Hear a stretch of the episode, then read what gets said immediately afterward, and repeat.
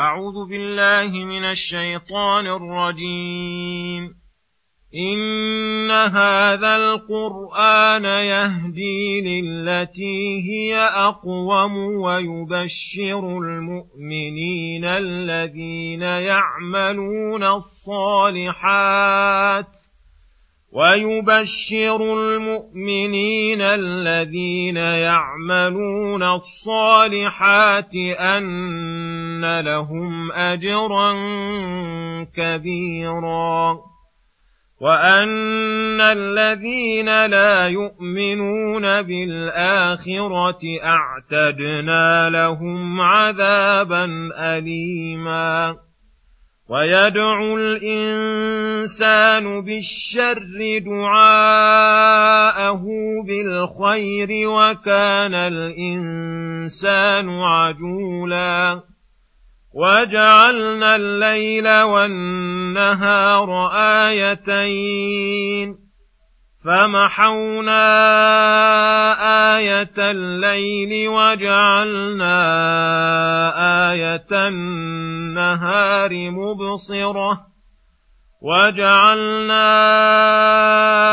آية النهار مبصرة لتبتغوا فضلا من ربكم لتبتغوا فضلا من ربكم ولتعلموا عدد السنين والحساب وكل شيء فصلناه تفصيلا وكل إنسان ألزمناه طائره في عنقه ونخرج له يوم القيامة كتابا يلقاه منشورا. اقرأ كتابك كفى بنفسك اليوم عليك حسيبا.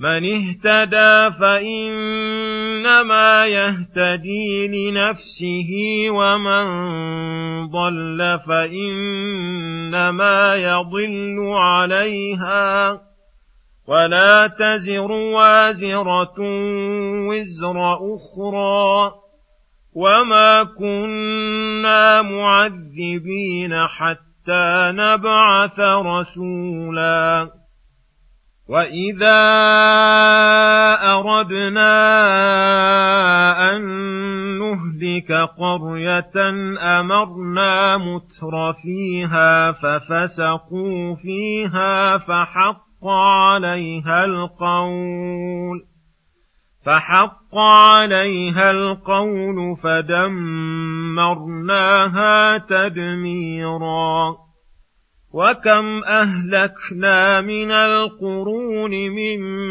بعد نوح وكفى بربك بذنوب عباده خبيرا بصيرا. السلام عليكم ورحمة الله وبركاته. بسم الله الرحمن الرحيم. يخبر تعالى عن شرف القرآن وجلالته. وأنه يهدي للتي هي أقوم أي أعدل وأعلى من العقائد والأعمال والأخلاق. فمن اهتدى بما يدعو إليه القرآن كان أكمل الناس وأقومهم وأهداهم في جميع الأمور. ويبشر المؤمنين الذين يعملون الصالحات من الواجبات والسنن أن لهم أجرا كبيرا أعده الله لهم في دار كرامته. لا يعلم وصفه إلا هو. وأن الذين لا يؤمنون بالآخرة أعتدنا لهم عذابا اليما. فالقرآن مشتمل على البشارة والنذرة وذكر الأسباب التي تنال بها البشارة. وذكر الأسباب التي تنال بها البشارة وهو الإيمان والعمل الصالح والتي تستحق بها النذارة وهو ضد ذلك. ثم يقول سبحانه ويدعو الإنسان بالشر دعاءه بالخير وكان الإنسان عجولا. وهذا من جهل الإنسان وعجلته حيث يدعو على نفسه وأولاده بالشر عند الغضب ويبادر بذلك الدعاء كما يبادر بالدعاء في الخير. ولكن الله من لطفه يستجيب له في الخير ولا يستجيب له بالشر. ولو يعجل الله للناس الشر استعجالهم بالخير لقضي إليهم أجلهم. ثم يقول تعالى وجعلنا الليل والنهار آيتين أي دالتين على كمال قدرة الله وسعة رحمته وأنه الذي لا تنبغي العبادة إلا له. فمحونا آية الليل أي جعلناه مظلما للسكون فيه والراحة. وجعلنا آية النهار مبصرة أي مضيئة لتبتغوا فضلا من ربكم في معايشكم وصنائعكم وتجاراتكم وأسفاركم ولتعلموا بتوالي الليل والنهار واختلاف القمر عدد السنين والحساب فتبنون عليها ما تشاءون من مصالحكم. وكل شيء فصلناه تفصيلا أي بينا الآيات وصرفناه لتتميز الأشياء ويتبين الحق من الباطل كما قال تعالى ما فرطنا في الكتاب من شيء. ثم يقول سبحانه وكل إنسان ألزمناه طائره في عنقه ونخرج له يوم القيامة كتابا يلقاه منشورا. وهذا إخبار عن كمال عدله أن كل إنسان يلزمه طائره في عنقه أي ما عمل من خير وشر يجعله الله ملازما له. لا يتعداه إلى غيره فلا يحاسب بعمل غيره ولا يحاسب غيره بعمله. ونخرج له يوم القيامة كتابا يلقاه منشورا فيه عمله من الخير والشر حاضرا صغيره وكبيره ويقال له اقرأ كتابك كفى بنفسك اليوم عليك حسيبا. وهذا من أعظم العدل والإنصاف أن يقال للعبد حاسب نفسك ليعرف ما عليه من الحق الموجب العقاب ثم يقول سبحانه من اهتدى فإنما يهتدي نفسه ومن ضل فإنما يضل عليها. الآية. أي هدايه كل أحد وضلاله لنفسه. ولا يحمل أحد ذنب أحد ولا يدفع عنه مثقال ذرة من الشر. والله تعالى أعدل العادلين. لا يعذب أحدا حتى تقوم عليه الحجة. بالرسالة ثم يعاند الحجة.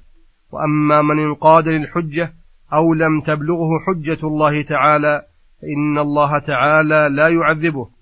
استدل بهذه الآية على أن أهل الفترات وأطفال المشركين لا يعذبهم الله حتى يبعث إليهم رسولا لأنه منزه عن الظلم. ثم يقول سبحانه وإذا أردنا أن نهلك قرية أمرنا متر فيها ففسقوا فيها الآية. يخبر تعالى أنه إذا أراد أن يهلك قرية من القرى الظالمة ويستأصلها بالعذاب أمر متر فيها أمرا قدريا ففسقوا فيها واشتد طغيانهم فحق عليها القول أي كلمة العذاب التي لا مرد لها. فدمرناها تدميرا وهؤلاء أمم كثيرة أبادهم الله بالعذاب من بعد قوم نوح كعاد وثمود وقوم لوط وغيرهم.